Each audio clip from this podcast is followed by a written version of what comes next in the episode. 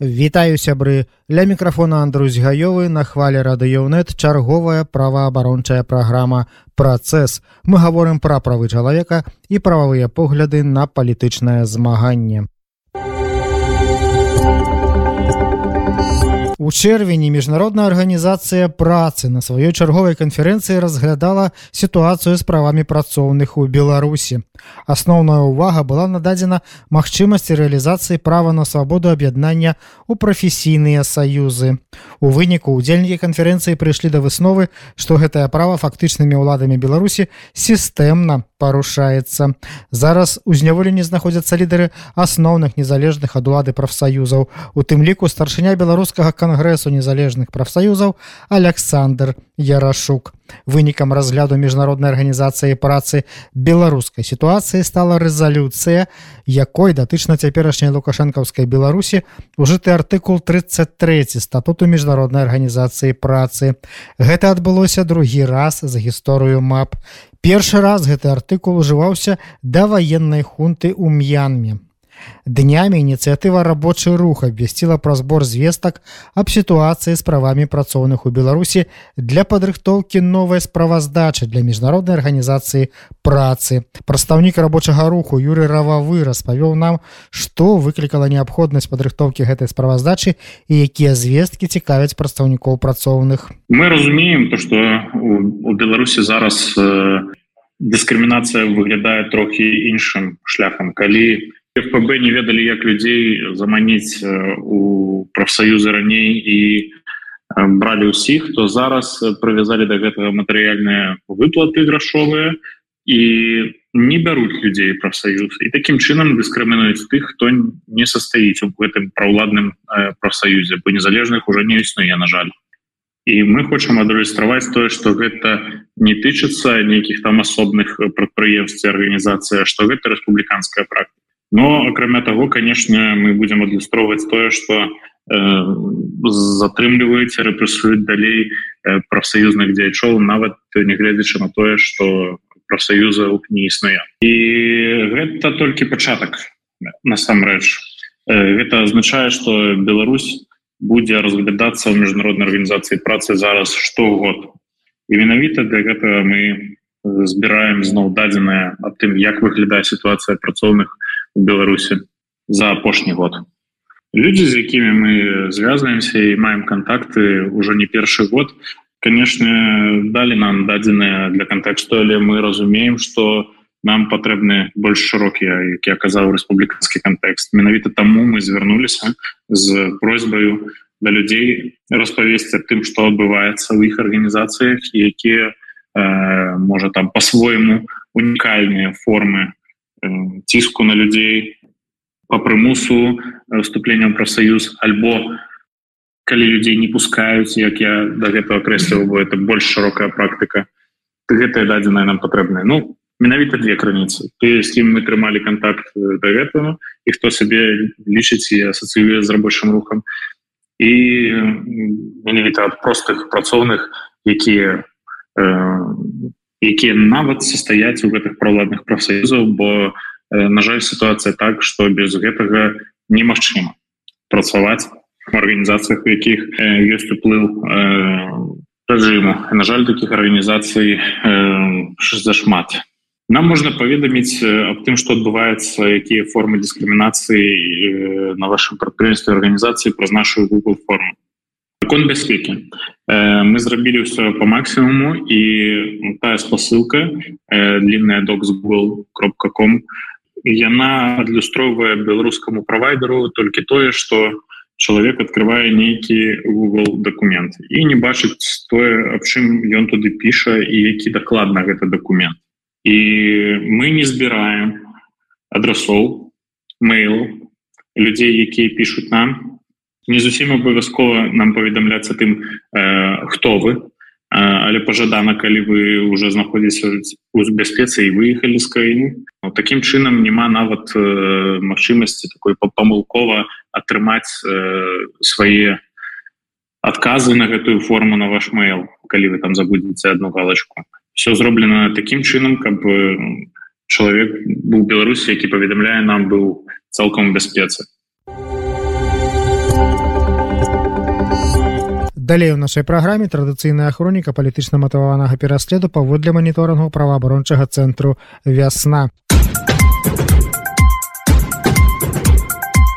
у баранавічах нейкі арцём падалянец якога асабіста лукашенко сваім адмысловым указам прызначыў туды на пасаду суддзі узяўся разглядаць справу аб абразе гэтага самага лукашэнкі Пры гэтым знаходжанне падалянца ў стане працоўнай залежнасці ад лукашэнкі пазбаўляе яго бесстароннасці, бо лукашенко, калі даведаецца пра недастатковую адданасць у прыслугоўванні сабе, можа ў любы момант гэтага падалянца з ягонай грашовай пасады звольніць.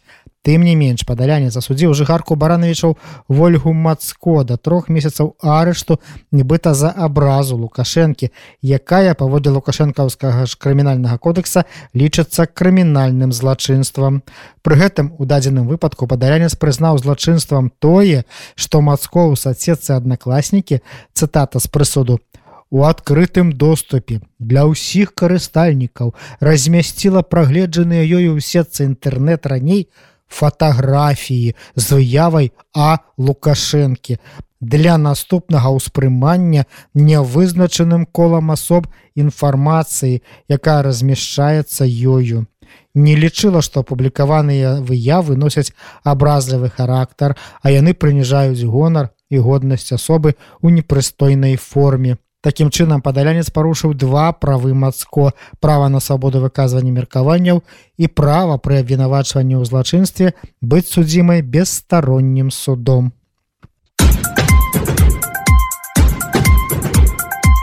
У гомелі прызначаны туды лукашэнкам на пасаду суддзі нейкі Андрэй папраўкін асудзіў на год зняволення ў лукашэнкаўскіх калоніях мясцовага жыхара Алексея мілеўскага за каментары ў інтэрнэце, які ён пакідаў у 2020 годзе.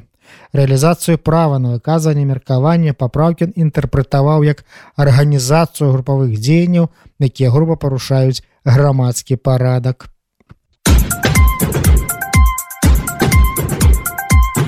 Нейкі віталь сініла якога лукашенко сваім адмысловым указам прызначыў на пасаду суддзі ў гарадзенскі раён пастанавіў кінуць у лукашэнкаўскія калоніі на два гады жыхара вёскі верцялішкі александра берету Пры гэтым сініла знаходзячыся ў стане працоўнай залежнасці ад лукашэнкі абвінаваціў берету у абразе гэтага самага лукашэнкі паклёпе на гэтага самага лукашэнку а таксама абразе і паклёпе на супрацоўніцу амап марыю мазуркевич Такім чынам лукашенко які прызначыў суддзю ў справе і пры недастатковай адданасці можа ў любы момант з гэтай пасады звольніць выступаў у гэтай справе пацярпелым.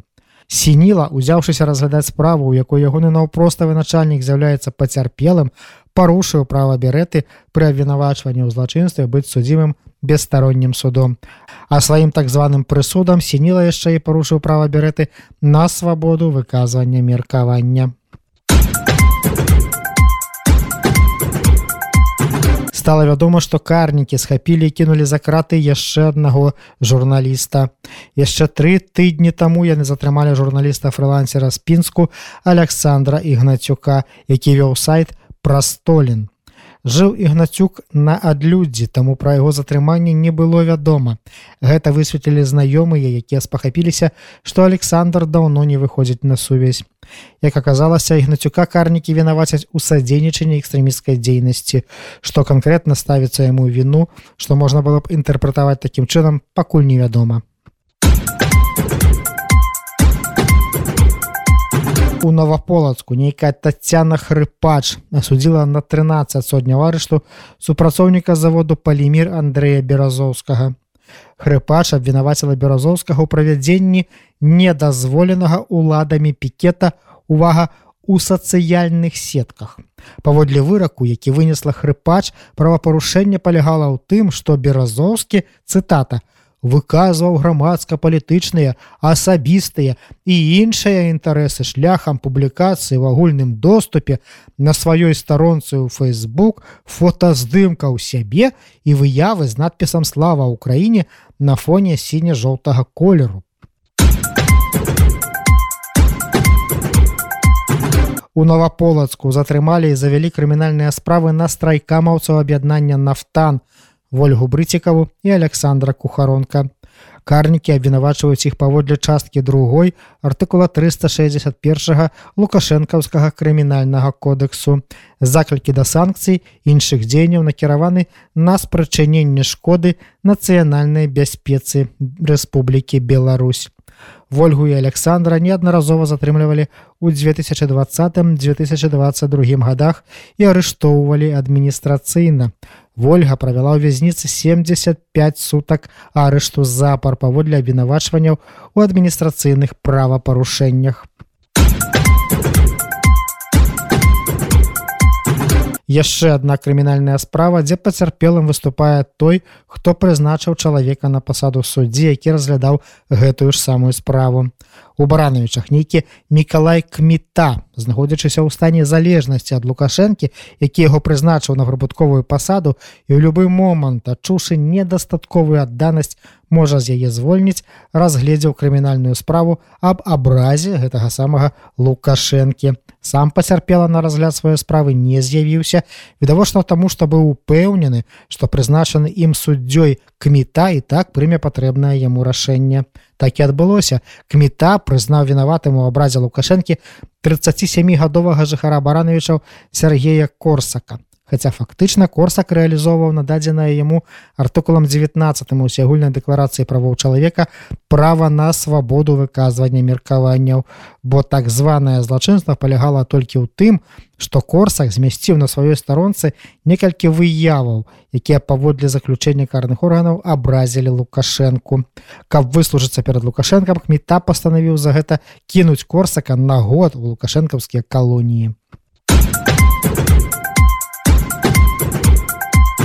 так званы вярхоўны суд беларусі пастанавіў ліквідаваць найстарэйшую палітычную партыю краіны партыю беларускі народны фронт старшыня гэтай партыі рыгорка стусёў паводле палітычных матываў зняволены лукашэнкаўскімі карнікамі на 10 гадоў у лукашэнкаўскія ж калоніі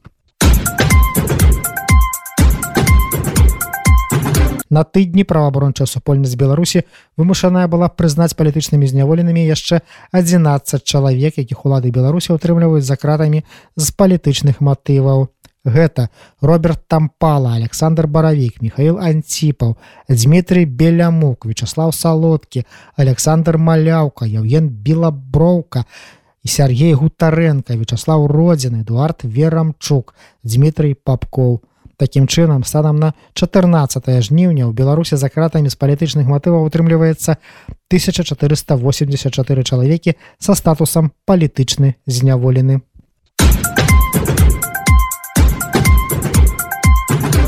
А на гэтым сёння наш час вычарпаны я Андрусь гаёвы кажу вам да сустрэчы ў праваабарончай праграме працэс праз тыдзень.